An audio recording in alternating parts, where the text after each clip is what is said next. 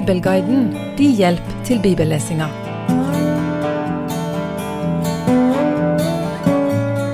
Kapittel 3 handler om at eh, Gud roper på Samuel tre ganger før Eli skjønner at det er Herren som roper. Deretter så kommer Herren og møter Samuel. Han kaller han til profet. Og siden så er Herren med Samuel, sånn at eh, ingen av hans profetier blir til tomme ord og faller til jorda. Samuel er blitt voksen, og Israel er i krig med filistene, ei folkegruppe som Israel har mye konflikt med opp gjennom historien. I kapittelet vi skal lese, så ser vi at Israel tar med seg paktens ark i krigen. Hva er paktens ark? Jo, det er ei kiste lagd av sedertre med de ti bud, med Arons stav og andre ting. Det er stedet der inne i det aller helligste, der Herren, herskarenes Gud, møtte øverstepresten en gang i året. Der Herren, når han møter øverstepresten, troner over kirubene. Og kirubene de står på hver side av soningslåget. Soningslåget kan også bli kalt for nådestolen. Og denne paktarken, som var hellig, var et hellig sted der Israel møtte Gud. Denne kista tok de med seg i krig.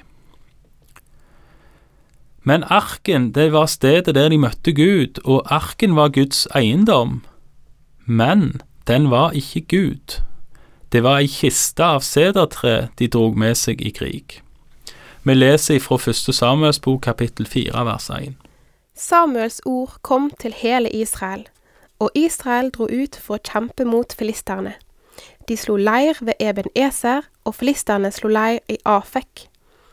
Filisterne stilte seg i fylking mot Israel, og striden bredte seg. Israel ble slått av filisterne, og de felte omkring 4000 mann på slagmarken. Da folket kom til leiren, sa Israels eldste, Hvorfor gjorde Herren det slik at filisterne slo oss i dag? La oss hente Herrens paktsark til oss fra Kilo, så den kan komme hit iblant oss og frelse oss fra våre fienders hånd. Så sendte folket bud til Kilo, og de hentet derfra paktens ark, som tilhører Herren, herskarenes Gud, han som troner over kjerubene. Begge Elis sønner Hofni og Pineas var med og fulgte Guds paktsark. Med det samme Herrens paktsark kom til leiren, satte hele Israel i et stort jubelrop, så jorden ristet. Da filisterne hørte lyden av jubelropet, sa de, Hva er dette for et mektig jubelrop i hebreernes leir? Og de fikk vite at Herrens ark var kommet til leiren. Da ble filisterne redde, for de tenkte, Gud er kommet til leiren, og de sa, Ved oss, slikt har ikke skjedd før.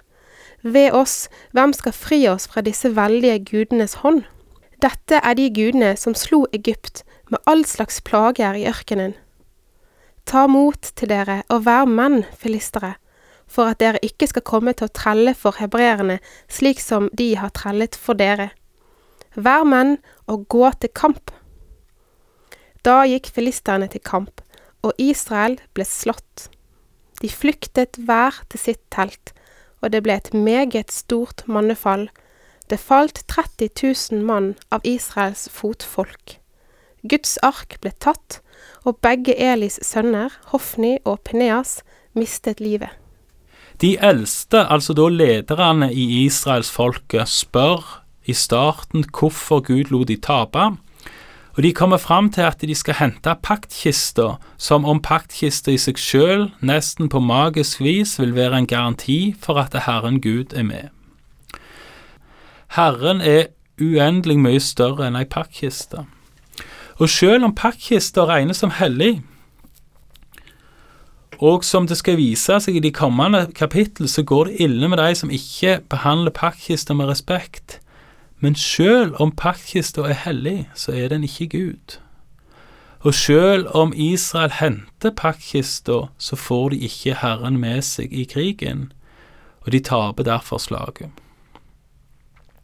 Profetien om at dagen som skal ringe i Israels ører, kommer, den profetien går i oppfyllelse med at de taper pakkista, og at begge Elis sønner dør på samme dag. Nyheten sprer seg fort til Silo, og vi leser videre fra vers 12. Da løp en mann fra Benjamin fra slagmarken og kom samme dag til Kilo med i stykker revne klær og med jord på hodet. Da han kom fram, se, da satt Eli på stolen sin ved veien og passet på, for hans hjerte var fullt av angst for Guds ark. Da nå mannen kom til byen med budskapet, da satte hele byen i et jammerskrik. Eli hørte skriket og sa, Hva er dette for en larm? Da skyndte mannen seg og kom og fortalte det til Eli. Eli var da 98 år gammel, hans øyne var stive, han kunne ikke se.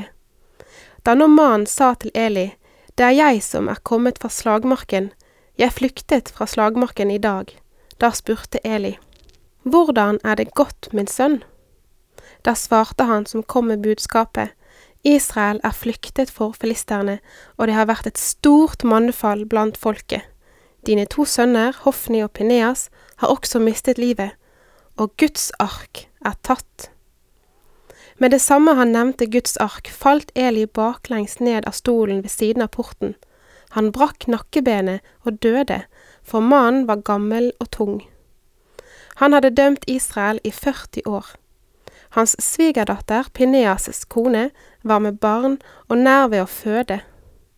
Da hun hørte budskapet om at Guds ark var tatt, og at hennes svigerfar og hennes mann var død, sank hun i kne og fødte, for veene kom brått over henne. I hennes dødsstund sa de kvinnene som sto hos henne, frykt ikke, du har født en sønn. Men hun svarte ikke og ga ikke akt på det de sa. Hun kalte gutten Ikabod og sa, Bortveket er herligheten fra Israel, for Guds ark var tatt, og for hennes svigerfars og hennes manns skyld. Og hun sa, Bortveket er herligheten fra Israel, fordi Guds ark er tatt. Tapet av pakkista var et fryktelig tap. Et tap som får folket til å jamre, Eli til å falle død om, og hans svigerdatter til å føde en sønn, for så sjøl å dø. For som hun sjøl sier, herligheten er veget vekk ifra Israel. Sønnen blei kalt Ikabod, som betyr ingen herlighet. Kapittel fire handler om flere ting, men det kan oppsummeres som fullendelsen av profetien som Samuel fikk av Gud når Gud møter han. Hvorfor måtte dette skje, kan en spørre seg. Hvordan kan en god Gud tillate slikt? Enkle svar finnes nok ikke på dette, men kanskje kan det være like nyttig å snu spørsmål opp ned. Hvorfor fulgte ikke Israel-folket Guds bud, når de visste hva veldige makt det ligger i det. Ei makt som vi som kristne har fremdeles. Johannes gjengir noe Jesus sier til disiplene i Johannes 14, vers 15-16. Dersom dere elsker meg, da holder dere fast på mine bud. Og jeg vil be Faderen, og han skal gi dere en annen talsmann, for at han skal være hos dere for evig. Spørsmålet er kanskje like godt den andre veien. Hvorfor følger ikke israelsfolket Guds bud? Men det får vi ta videre en annen dag. Takk for i dag, og Herren være med deg.